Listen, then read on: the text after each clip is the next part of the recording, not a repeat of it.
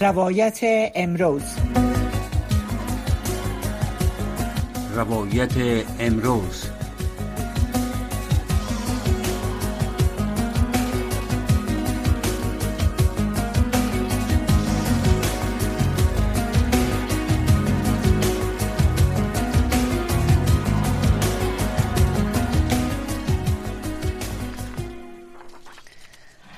سلام و وقت بخیر.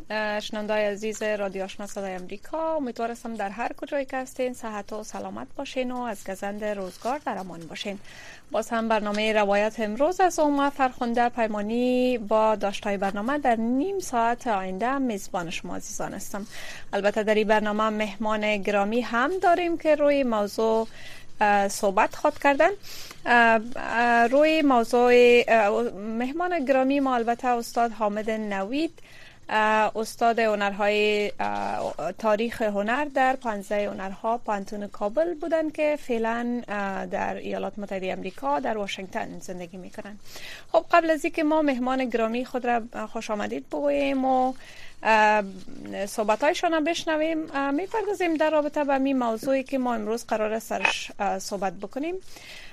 مجسمه های از سواران در شهر مزار شریف از سوی طالبان ویران شده. البته بیشتر روی موضوعات داشته های تاریخی و فرهنگی افغانستان صحبت خواد کردیم و به همین سلسله آخرین اقدامی که از سوی طالبان صورت گرفته روی زی موضوع صحبت خواد کردیم و بعدا روی اهمیت محافظت از داشته های تاریخی و فرهنگی باز صحبت های استاد محترم را مشنویم به سلسله تخریب مجسمه و تندیس ها طالبان این بار مجسمه از سواران در چهارراهی کامگار شهر مزار شریف را در ولایت بلخ تخریب کردند. همچنان در این روزها می‌بینیم ویدیویی که به روز شنبه در شبکه های اجتماعی به نشر رسید. آخرین مجسمه از سواری در چارایی را نشان میده که شماری از آگاهان مسائل فرهنگی این اقدام طالبان را آغاز برنامه مدیریت یافته برای از بین بردن آثار آبدات تاریخی و ارزش های افغانستان قلمداد می‌کنند. البته کاربران شبکه اجتماعی با انتقاد از این اقدام طالبان میگن که باید ورزش های فرهنگی مردم افغانستان احترام گذاشته شود و تخریب این مجسمه به گفته آنها به محل زیبایی بخشیده بود. را اینا خواستن با اقدام خود تخریب بکنن و ذهن مردم را در مورد این مجسمه ها مختل بسازند یکی از باشندای شهر مزار شریف که البته نخواست که نامش افشا شود میگه که گروه حاکم در بلخ با تخریب مجسمه از سوارها در شارای کامگار که یکی از نمادهای فرهنگی و ورزشی ملی بود ثابت کردند که هیچ احترامی به ارزشهای تاریخی و فرهنگی ندارند و همچنان مجسمه های چند اسب سوار و اسب سواران در چارای کامگار شهر مزار شریف سالها پیش در حکومت جمهوریت ساخته شده بود که صحنه از بازی سنتی بزکشی را به تصویر می کشید. البته حکومت طالبان در حال حاضر دست به تخریب مجسمه سوارها زدند اینجا و در دوره حاکمیت اولشان می‌بینیم که بیشتر مجسمه هایی که به ولایات دیگر افغانستان مخصوصا در ولایت بامیان قرار داشت به انفجار و تخریب از او مجسمه ها هم پرداختند. که حتی واکنش های جهانی را هم در قبال داشت. خوی رو، روی یمی موضوع استاد محترم استاد حامد نوید را به برنامه خوش آمدید میگیم و سوال را قسم آغاز می‌کنیم که در ابتدا روی زمین اقدام طالبان شما چی فکر می‌کنین و بعدا باز می‌پردازیم به که چقدر اهمیت داره که ما باید آثار تاریخی را باید محافظت کنیم. بله میره سلام. و خدمت بینندای عزیز و تمام سلام و دارم. سلام استاد محترم خوش آمدین با برنامه. تشکر. مهربان هستین لطف می‌کنین همیشه. موضوع است که یکی آثار تاریخی است و یکی آثار است که در این وقت ساخته شده. بله. باز با دو بخش صحبت می‌کنیم. یکی آثار هنری ما که در می چند دهه ساخته شده. اصلا کار تخریب کار خوب نیست. کار ایمار کار انسانی تر است. انسان یک کار ایمار بکنه. ما را خداوند امین قدرت داده که بسازیم سازنده باشیم. خلق بکنیم. همین قدرت خلاقه را در وجود انسان خداوند به ودیه گذاشته. و نظر به مطالعات دین اسلام نیت یک کس برای ایجاد یک از اسلام مهم است در هر کار نیت اما اصل موضوع بله. اگر نیت یک کس از ساختن از این مجسمه های اسواران باشه که کس خدای ناخواسته او پرستش بکنه او در اون باز باید او کار درست نیست. بوده باید در بین ببرن از نگاه شریعت. اما ما یک هزار و چهارصد سال است که مسلمان هستیم. و عقل سلیم میگه که هیچ کس هم مجسمه را پرستش نمی‌کرد. یک مسئله تزینی بود. بله. یک تزینی بود که خوش میداخت. مثلا چند نفر طرف سر می‌کرد. اونجا یک زیبایی بخشیده بود. گرچه ما همین مجسمه را از نزدیک دیدیم نقایص داشتی مجسمه از نگاه هنر مجسمه سازی باید او بهتر می‌شد و خصوص مجسمه های بیرون عموما رنگ رنگ نمی کنند عموما مجسمه هم رنگ طبیعی برانز یا مرمر می داشته باشه این رنگ کرده بودن که کم تفلانه ساخته بودش. یعنی از زیبایی اصل هنریش کاسته بود. بله. رنگ نمی‌شد. رنگ برانس یا آین یا مرمر یا سنگ خودش می بود باز وقت ارزش هنریش بیشتر می شد و هر کسی که ساخته بود به ذوق خود ساخته بود.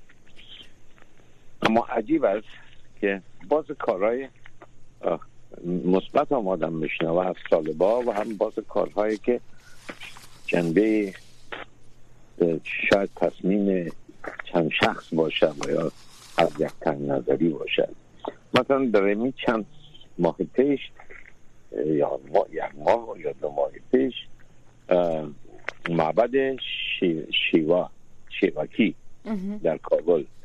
که از اصل کوشانی ها و از دورای آخر کوشانی ها مانده بود او یک معبد برحمنی بود. او را مرمتش در وقت جمهوری آغاز شده بود جمهوری دکتر اشرفانی و او را طالبا افتتاح کردن و کار بسیار مثبت بود. آمد آدم امیدوار می‌شد. چون نیره درک کردن و فهمیدن که نمی یک اثر تاریخی بسیار مهم است. و دیگر کس نمیره. در معبد شیوا و اونجا پرستش نمی‌کنه. یک معبد بودایی یا برحمنی سابق بود. او را غرض نگرفتن و افتتاح کردن و بسیار در موردشان صحبت مثبت داشتن. بله. خب در در سمیناری که بودم بله. قطر منجا در مورد خاچاق آثار تاریخی بود.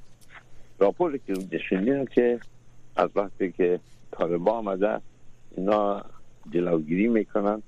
از قاچاق آثار تاریخی افغانستان و در میرا کوشا هستن که کار مثبت است. اما در این کار معلوم میشه که یک دست نیستن. شاید یک تعدادشان دست نکردن. بله. اما ارزش آثار هنری ده. آثار هنری اگر به منظور پرستش باشه دیگه چیز است. و اگر به منظور تزیین باشه او کنم نقص از نگاه مذهبی نداره. بله. خب قسم که در آخرین استاد محترم قسم که در آخرین اقدام که البته طالبان کردن به همین منظور است که اونها همیشه فکر می‌کنن که گویا اگر مانکن در فروشگاه ها گذاشته میشه و یا وسایل زینتی که در بازارها فروخته میشه به شکل انسان و یا به شکل زنده جان وجود داره اونا فکر می‌کنن که ممکن به شکل شکل بودپرستی را به خود گرفته باشه و بله. این یک از لاز شرعی او را حرام می‌دانن. به نظرتان بله. بازم من میگم وقتی که به نیت بودپرستی ساخته شده باشه اونوست که او بدعت شناخته میشه. اما به موضوع تزیین باشه نمیشه. تصویر انسان هم ساختنش گناه درست وقتی بود در بین کلیساهای روم یا مثلا معابد دشتی یا در معابد بودایی پرستش می شده وقت اما در وقتی که سعد بن وقاص در سال 642 میلادی فارس فتح کرد. بله. اما سال تاریخی دیگر را بیران نکرد.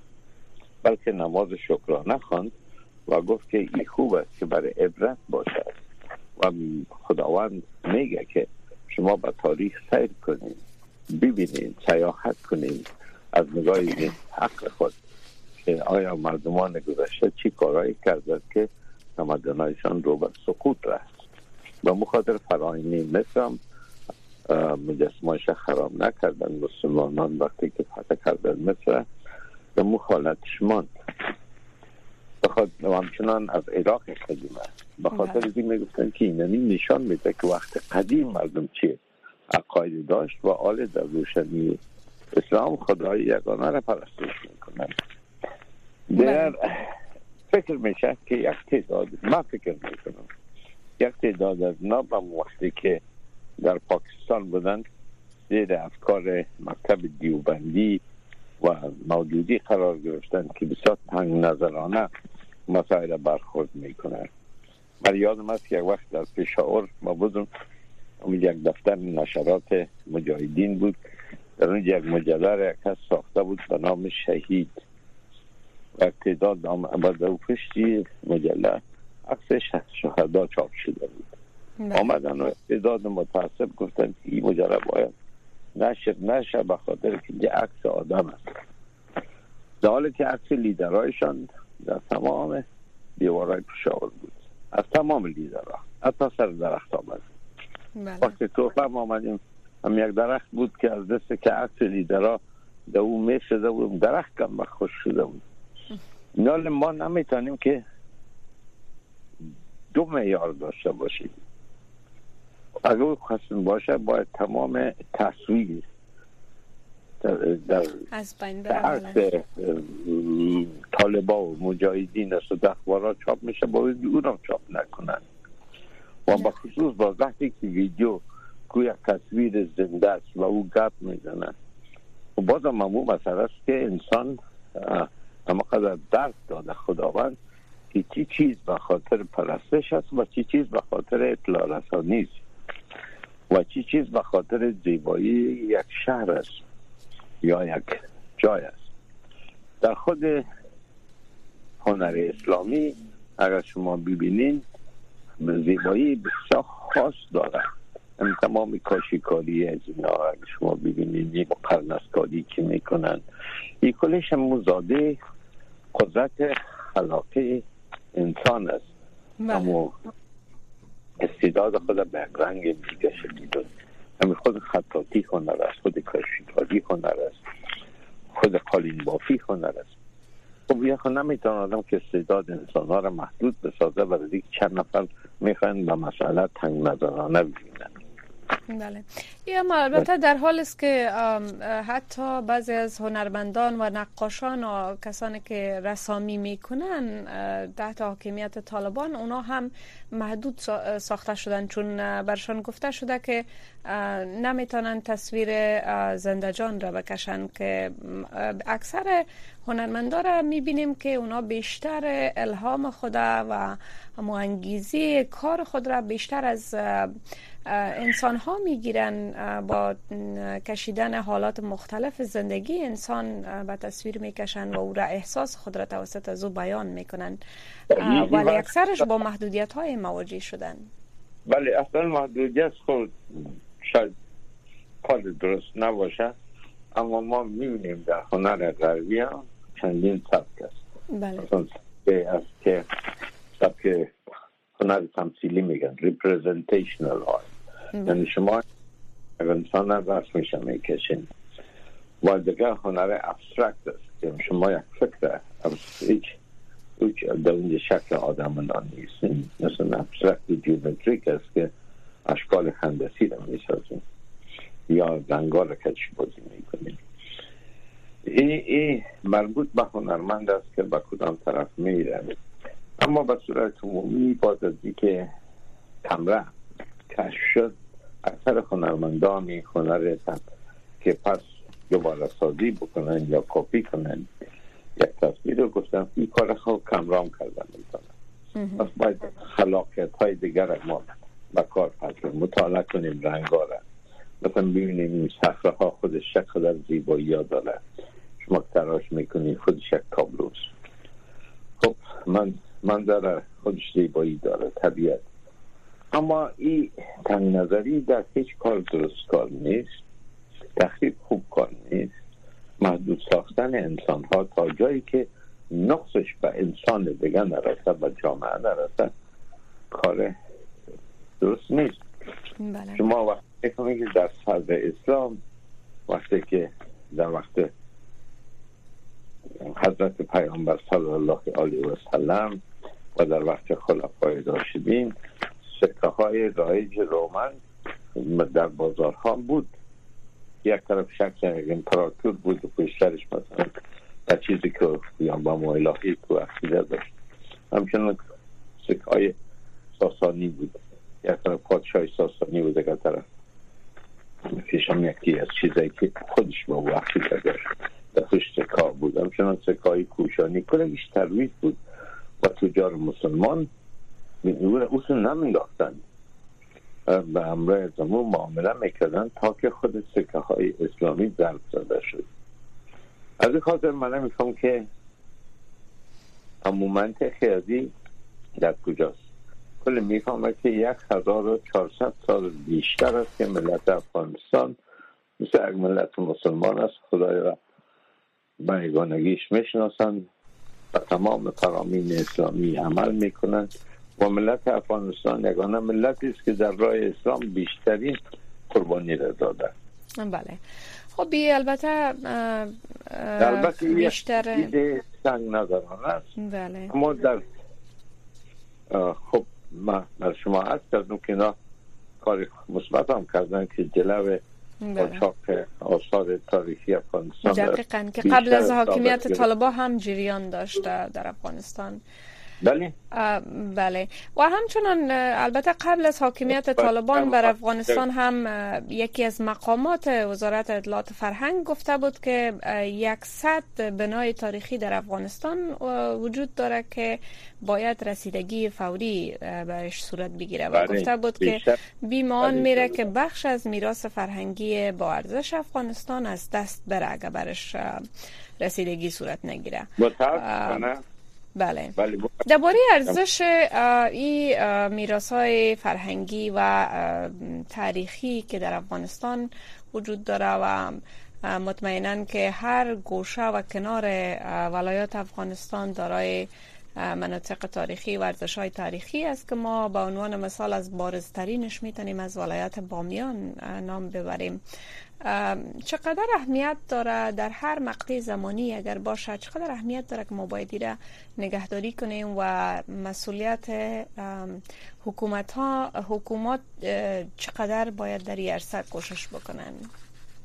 بله این وظیفه نه تنها حکومت است بلکه وظیفه ملت هم است. بله. از آثار تاریخی خود قضابداد تاریخی خود از او خراست بکنند و او نمانند که ویران شود.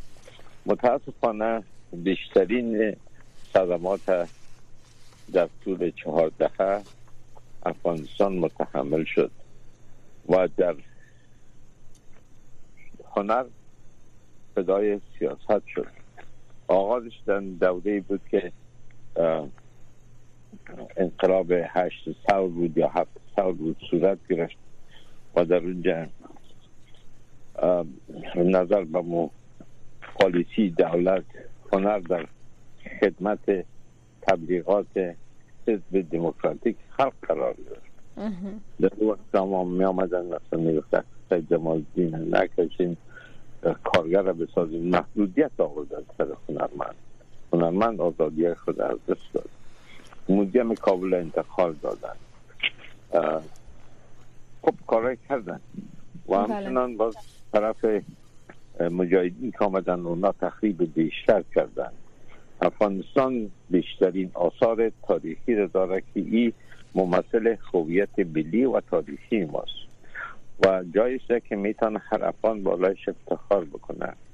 آثار تاریخی آثار تمدنی نماینگر درجه فهم علم و دانش یک ملت است. اگر ما امروز میگیم فرانسه یک مملکت بسیار متمدن است به خاطر امو آثار آبزات تاریخیش است به خاطر هنرمندایی که در است به خاطر نویسندای مثل ویکتور هوگوس به خاطر کسایی که مثل الکساندر دوماس مثل کسایی که نقاش های بزرگی که داشته نگه نمی رو بکشین از ملت؟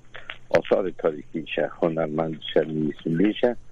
بغیر از زمین سیاست و جنگ دیگه چیز باقی نمیمانه بله. وطن ما در ما بین کشورهای منطقه بیشترین آثار تاریخی را از دوره های مختلف زندگانی انسان داره و آثار تاریخی بهترین نماینگر تمدن و فرهنگ یک کشور است متاسفانه در افغانستان توجه کم صورت گرفته و به خاطر اکثر نویسنده های ما به اکثر آثار تاریخی ما به نام کشورهای دیگر در موزیم های جهان تسجیل شده.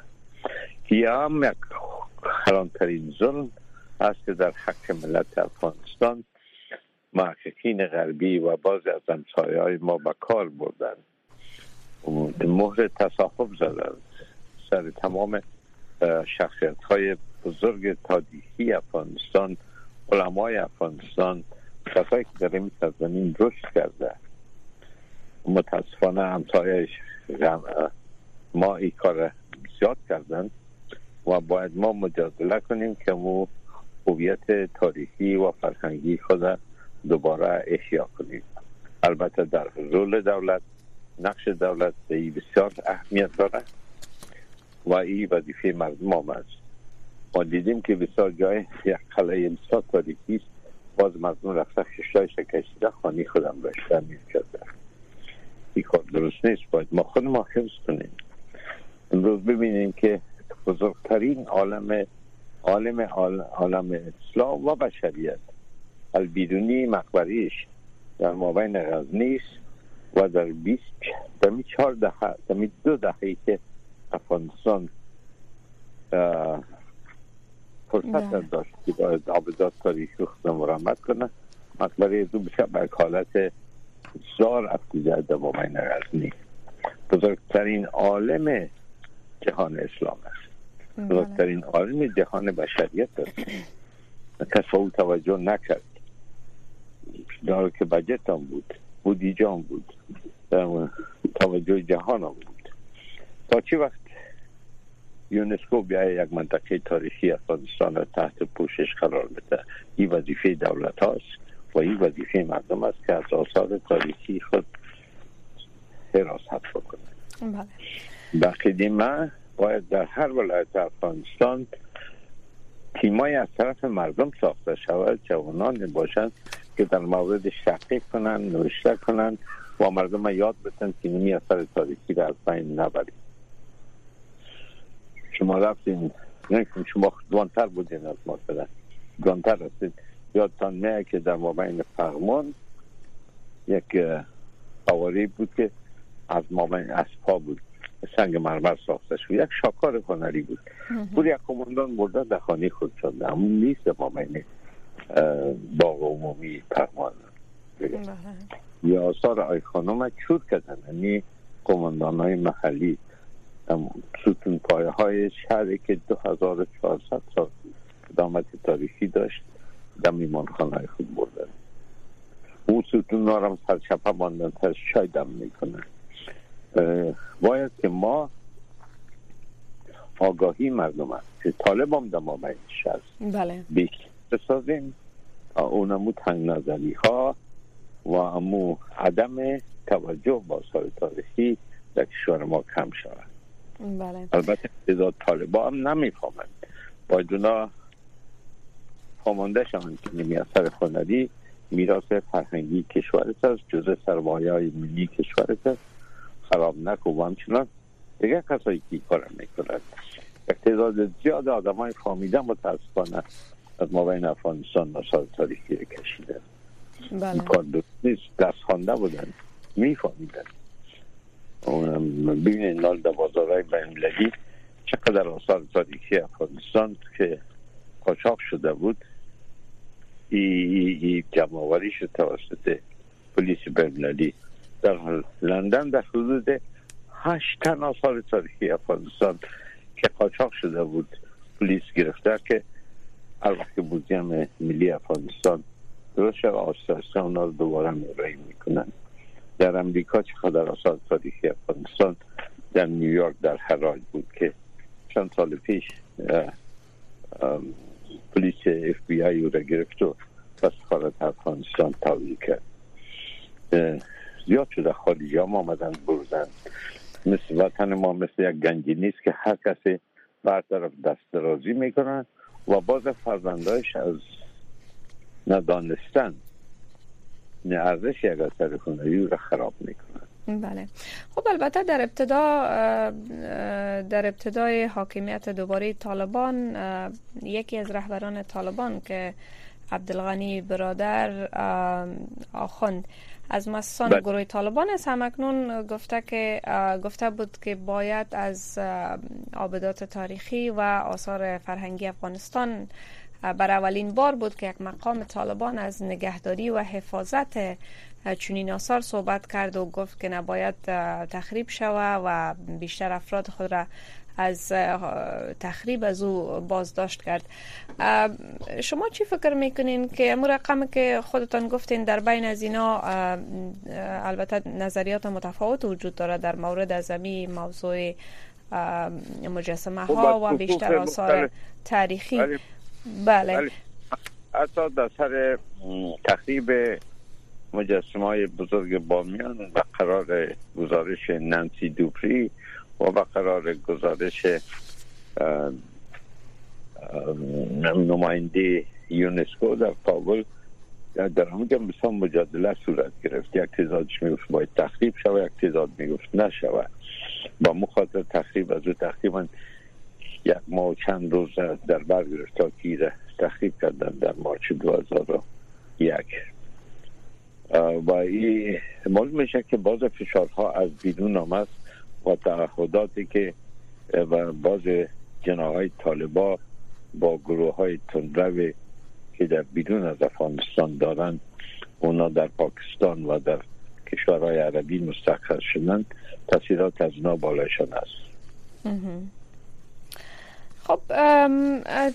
خب فکر می‌کنین که اگر چون وقت برنامه ما بسیار کوتاه است و ما ناگزیر استیم که با شما خدافزی بکنیم ولی برنامه های آینده هم می‌تونیم برنامه داشته باشیم که روی موضوع حفاظت و حراست از داشته های بله. فرهنگی و تاریخی افغانستان صحبت های داشتیم. بله. حفاظت آثار تاریخی به درجه اول از دولت های یک کشور است. درجه بله. دوم از تمام کسایی که اینا دست خانده هستند مطالعه دارند بله. و می ازش و درجه سوم از خود ملت است باید پامانده شود. بله. تشکر یک جان ممنون استاد مهربان. تشکر سلامت باشین از حضورتان با برنامه. شنونده عزیز برنامه برنامه روایت امروز یا نه وضعیت به پشتو توسط همکار عزیز ما سمی الله جلال زیر هم فراموش نکنین شنونده باشین باز هم در خدمت هستیم.